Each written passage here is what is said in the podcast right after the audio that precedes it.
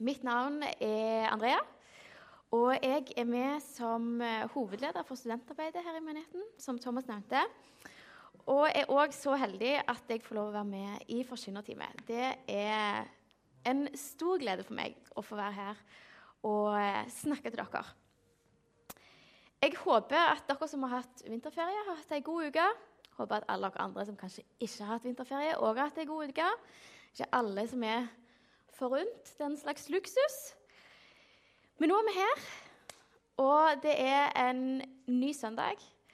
Og begynnelsen på en ny uke. Forrige uke så avslutta Frode prekenserien som har vært i så langt i år, som vi har kalt 'Giftig'. Og Han snakket om giftig tro. Og I dag så er jeg så heldig at jeg får begynne på en helt ny taleserie. Den har vi kalt 'Menigheten er ikke helt den samme uten'. Og Vi skal ta for oss noen forskjellige områder som egentlig går ganske til kjernen av hvem vi er.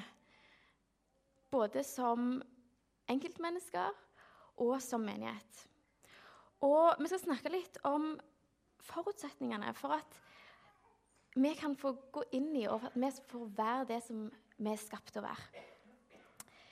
Vi skal snakke om områder hvor vi blir stilt til valg. Og spørsmålet er velger vi å trå inn i og bli en del av det som Gud ønsker for oss, eller blir vi stående på sidelinja? Vi hopper like greit ute i første talen, og det er altså Menigheten er ikke helt den, menigheten er ikke helt den samme uten tro. Jeg har lyst til å begynne med å be en bønn. Jesus, jeg takker deg for at du er her. Takk for at du alltid er her. Jeg ber om at du må åpne hjertene våre, og at du må snakke til oss sånn som bare du kan. Jesus, jeg ber om at du må um, være med meg, så dette blir det som du vil at det skal være. Amen. Yes. Menigheten er ikke helt den samme uten tro. For tingen er den at alle som er her inne, vi tror på et eller annet. Mange av dere vil gjerne si at dere tror på Gud. Andre vil gjerne si at jo, jeg tror egentlig på det gode mennesket. Andre igjen vil kanskje si nei, jeg tror egentlig ikke på noen ting. Og tingen er den at selv med et sånt utgangspunkt, at en ikke tror på noen ting, så innebærer det likevel en grad av tro. Og vi trenger tro i hverdagen vår på et eller annet vis for å få ting til å gå opp. Og hvis vi skulle slutte å tro på alle tingene som vi har tillit til i hverdagen vår, så hadde ikke ting gått helt opp. Og jeg tror at vi hadde fått det ja, ganske utfordrende. Og jeg tror at hele greia hadde blitt nokså altoppslukende. Hver eneste dag så tar vi nemlig masse avgjørelser basert på tro. Eh, ta dette litt eh, enkle eksempelet, kanskje. Hvis du har gjort en avtale med eh, en venn eller en venninne om at dere skal møtes eh, en bestemt plass på et spesifikt tidspunkt, så tipper jeg at du vil gjøre det du kan for å være der på den plassen på det tidspunktet. Men du kan jo ikke strengt tatt vite om vedkommende kommer til å være der. Eller om vedkommende kommer til å prøve å være der. Men en velger jo å tro at de kommer til å være der, uten at en egentlig tenker så voldsomt mye over det. Eller hva med dette eksempelet? Om morgenen du skal gårde på jobb, så tipper jeg at du setter deg i bilen, stapper i nøkkelen, og så vrir du om. Og Grunnen til at du gjør det, er jo at du tenker at bilen kommer til å starte. Fordi du tror at den kommer til å virke. Du vet det strengt tatt ikke før du har prøvd. Men du har tillit til at eh, du kommer deg på jobb i dag òg. Og vi har rett og slett ganske god trening i å ta avgjørelser basert på tro. Vi gjør det stadig vekk uten at vi egentlig tenker så voldsomt mye over det. Det kommer nok ikke som noen veldig overraskelse når jeg sier at tro er selve grunnlaget for menighet. Nemlig troen på at Gud, verdens skaper, har gjort seg kjent for oss og ønsker å være sammen med oss. Og ikke bare det, han har sendt sin egen sønn for å gjøre opp for våre feiltrinn, sånn at vi kan være sammen. For å ta vekk det som skiller oss fra han. Så for å si det enkelt det fins ingen menighet, ingen kirke, uten troen på Jesus. Men Gud han har større planer for de som tror på Jesus, enn at de skal si, bare bli frelst, at de skal komme til himmelen. Det er mer som ligger og venter på oss. Det er mer som er på lager. Og det begynner med tro. Bibelen forteller oss det at det fins to typer tro. Det fins frelsende tro og lydig tro. Når vi begynner å tro på Jesus, så blir vi frelst. Så enkelt. Det er den frelsende troen. Og det handler ikke om å gjøre, om å få til, eller om å knekke noen spesiell kode. Men det handler om å tro og stole på at det som Jesus har gjort for oss, er nok til at vi kan bli frelst. I Efeserne 2,8 så står det sånn som dette. For av nåde er dere frelst ved tro.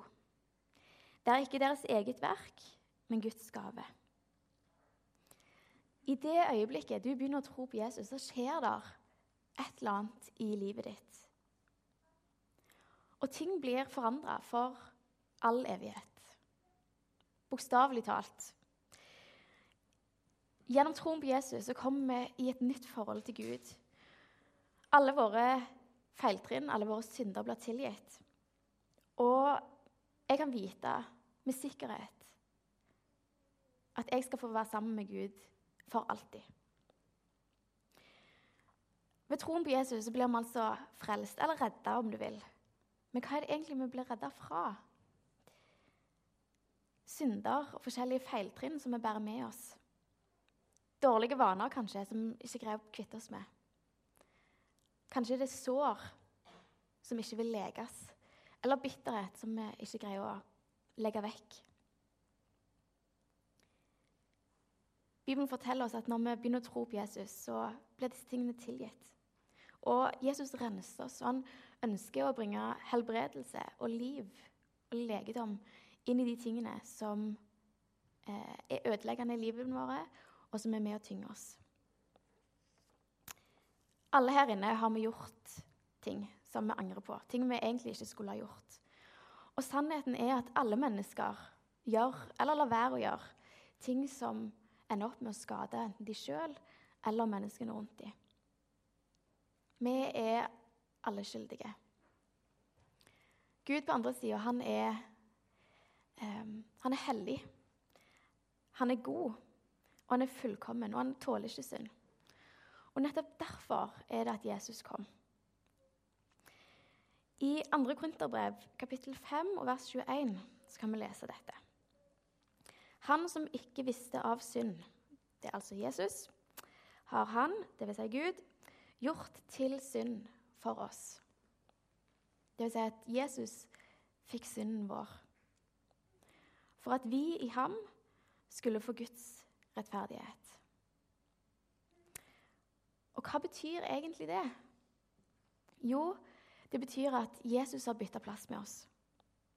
Han tar på seg våre feiltrinn og vår synd, og vi får hans eh, uskyldige status, hans rettferdighet.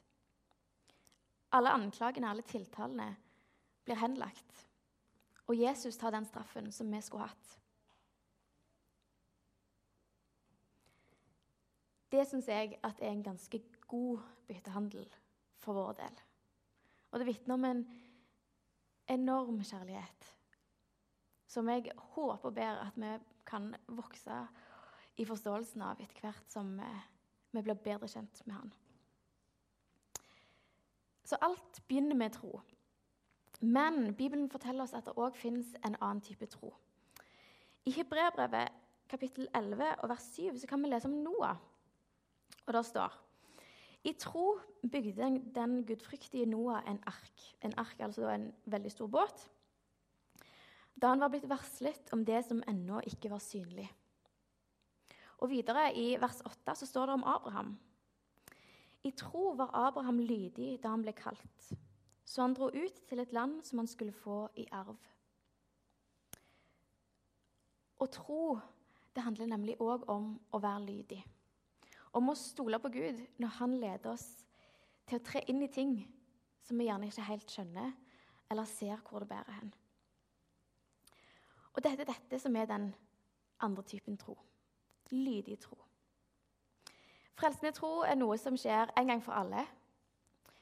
Lydig tro er noe vi er kalt til å forholde oss til hver eneste dag. For Gud ønsker ikke bare å frelse oss, men han ønsker å lede oss inn i nye områder i livene våre, hvor han får vise hvem han er, og hva han ønsker for oss. Og noen ganger så betyr det å gå inn i ting hvor en ikke vet hvordan ting skal gå på egen hånd. Kanskje vil Gud be deg om å gjøre noe hvor du ikke egentlig vet utfallet. Og om vi alltid gjorde ting som var garanterte, alltid gjorde ting hvor vi visste 100% sikkerhet hva som kom til å skje Vi ville strengt tatt ikke hatt bruk for verken tro eller Gud. Lydig tro er å ha tillit til Gud og til å ta de skrittene som man leder oss i forhold til, selv om vi ikke vet utfallet. I verset som vi nettopp leste om Abraham, så står det videre Han dro av sted uten å vite hvor han kom. Han tok et lydig steg i tro. Og på grunn av det så fikk han se fantastiske og store ting.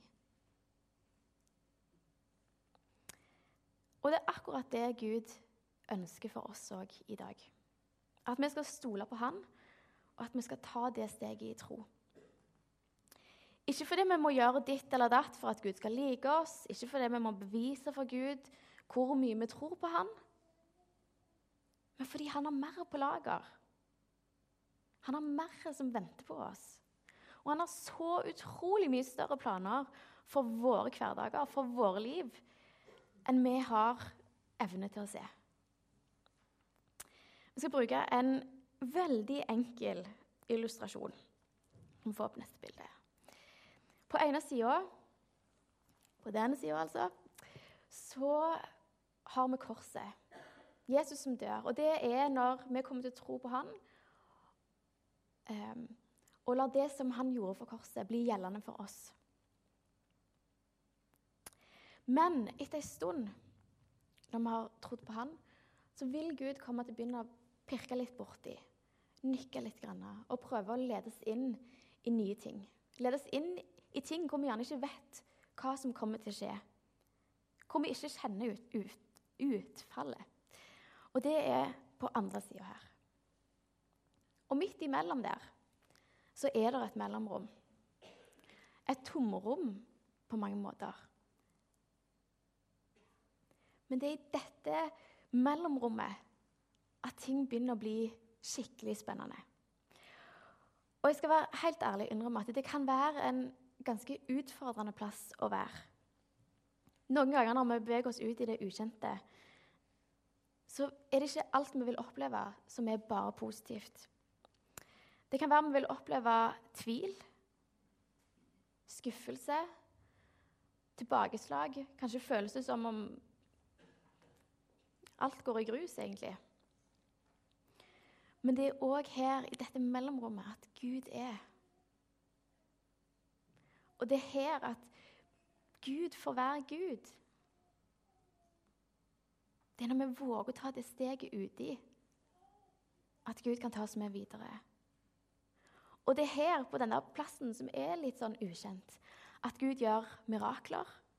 At vi opplever gjennombruddene. Og det er her Gud tar deg med på ting som du aldri hadde forestilt deg på egen hånd. Og det er her eventyret ligger. Det som Gud inviterer hver enkelt av oss til å bli med på. Noen ganger så er vi nødt til å ta et steg ut i noe som kanskje er ukjent. For å slippe til Gud og la Han utrette de tingene som Han ønsker i livene våre. Vi gjør det vi kan, og ofte så er det vi har å stille med, det er tro og lydighet. Og så gjør Gud det som bare han kan, og utretter mirakler.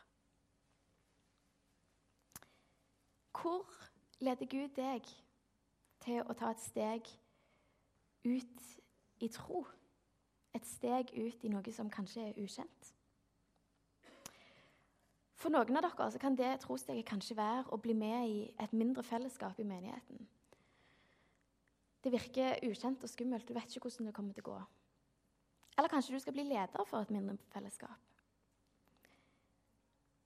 Kanskje opplever du at Gud leder deg til å invitere en kollega med i menigheten. Men du vet liksom ikke helt hvordan det kommer til å bli tatt imot, og du vet ikke helt hvordan veien går videre.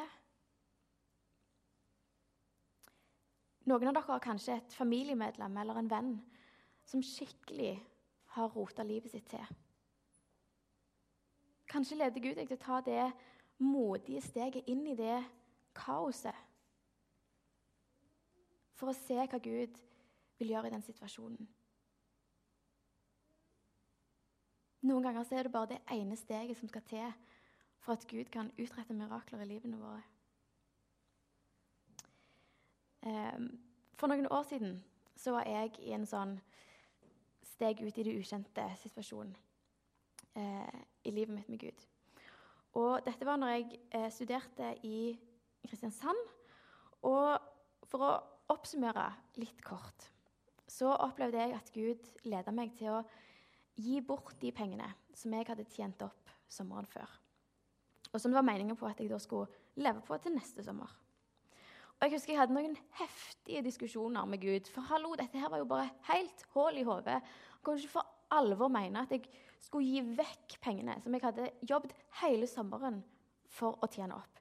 Hvordan i all verden skulle jeg betale regninger? Eller noe annet, for den saks skyld. Jeg skjønte ingenting. Og jeg skjønte ikke hvordan ting skulle gå opp. Jeg hadde ikke jobb. Altså, det var alt. Det var ingenting som hang på greip i mitt hode. Men jeg greide ikke å riste av meg dette her som begynte som en bitte liten tanke, som vokste seg til en dyp overbevisning om at dette var noe som jeg skulle gjøre. Um, så jeg kom til et punkt hvor jeg sa til Gud at greit, hvis dette er det du sier, så skal jeg gjøre det. Men jeg trenger lite, en liten bekreftelse, et lite tegn. Så, etter noen runder, så kom tegnet. Og jeg skjønte jo at ja, greit, bare å hoppe uti det. Men selv når jeg visste akkurat hva jeg skulle gjøre, selv om jeg hadde fått eh, bekreftelser som jeg var helt sikker på at var fra Gud, så var det utrolig skummelt. Og jeg kjente det strakk meg noe helt enormt i forhold til min tillit til at Gud kunne eh, ta vare på meg i den situasjonen. Og hvis jeg skal være ærlig den perioden etter at jeg ga vekk de pengene eh, Det var en av de vanskeligste periodene i mitt liv. Det var oppturer og det var nedturer. Det var jobbmuligheter og det var lønninger som gikk fullstendig i vasken. Det var skuffelse når ting tilsynelatende ikke ordna seg. Men samtidig så var dette en av de aller, aller beste periodene i mitt liv så langt.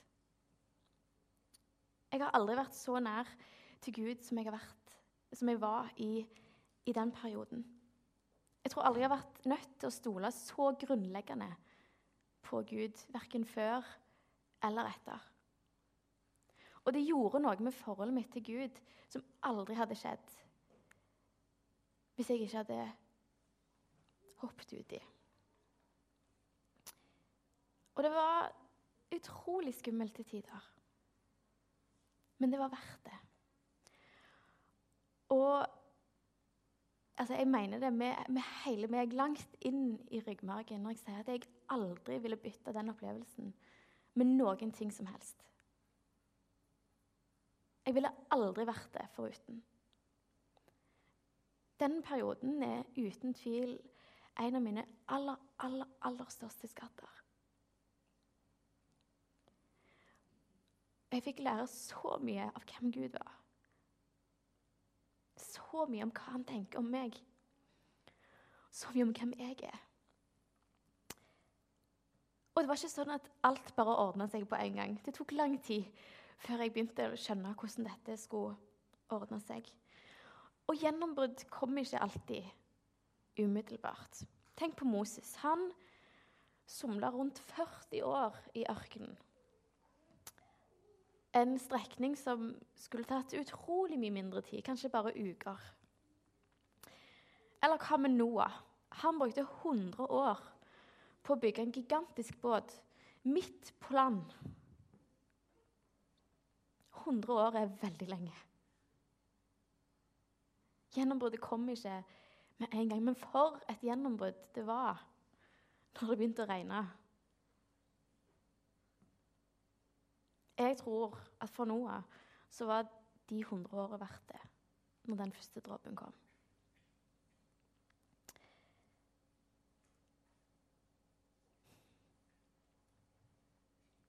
Det kommer aldri noen gjennombrudd hvis vi ikke våges ut i dette mellomrommet. Og jeg tror at den tida midt imellom, når man ikke helt vet, men må velge å stole på Gud Jeg tror at der ligger vår aller største mulighet til å lære mer om hvem han er. Hva han tenker om oss, og hva han ønsker for oss. Vi lar oss stole på Gud.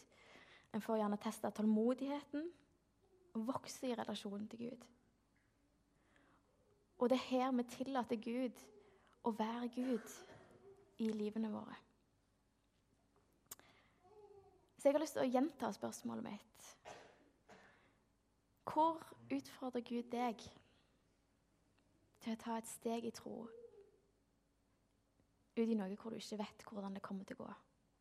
Eller hvor, hvor, du gjerne ikke skjønner hvordan du skal fikse dette på egen hånd. For noen av dere så handler det kanskje om å ta steg inn i relasjoner til mennesker som Gud minner dere om.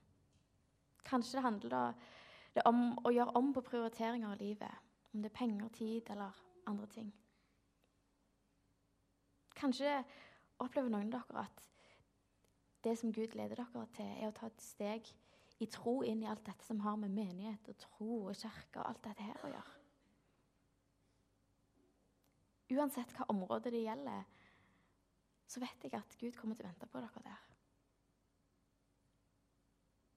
Og jeg unner dere alle den opplevelsen. Jeg tror at vi som menighet står på et punkt hvor Gud utfordrer oss til å ta noen steg i tro. En del av dere har kanskje hørt om Misjonsforbundet sin satsing 2020. Og Kort oppsummert så går det ut på at vi ønsker at med Guds hjelp at Misjonsforbundet skal være dobbelt så stort i 2020. Og Det er et ganske heftig og hårete og utfordrende mål. Uten tvil. Og det er en målsetning som utfordrer oss utrolig på hva vi tror er mulig. Her i menigheten så eh, utformes det òg en lokal variant av den planen, Stavanger 2020, hvor vi konkretiserer dette inn i vår kontekst. Og jeg kjenner at Det utfordrer hvert fall meg å jobbe med en sånn målsetning. Fordi det åpner for skuffelser. Det åpner for at ting ikke går sånn som det skal. Jeg skjønner ikke helt hvordan det skal gå på et vis. Og det utfordrer utrolig på min tillit til at Gud kan og vil bruke oss for at nye mennesker i Stavanger skal bli kjent med han. Men folkens, det er i mellomrommet at Gud jobber. Det er i mellomrommet at Gud er, og det er der vi må være. Det er her i, i mellomrommet, midt imellom, at Gud har velsignelser og gjennombrudd ventende på oss. Og vi trenger å ta steget utpå. Skal vi be sammen? Jesus, jeg takker deg for det som du gjorde for oss på korset. Takk for at eh, vi kan stole på at det du gjorde for oss, det er nok. Takk for at vi alle trenger å lure på aldri trenger å lure på hvor vi skal tilbringe evigheten. Og Jesus, jeg bare ber om at du må tale til den enkelte, at du må vise oss de områdene hvor du ønsker å vise oss nye ting. De områdene hvor du har lyst til å utvide horisontene våre.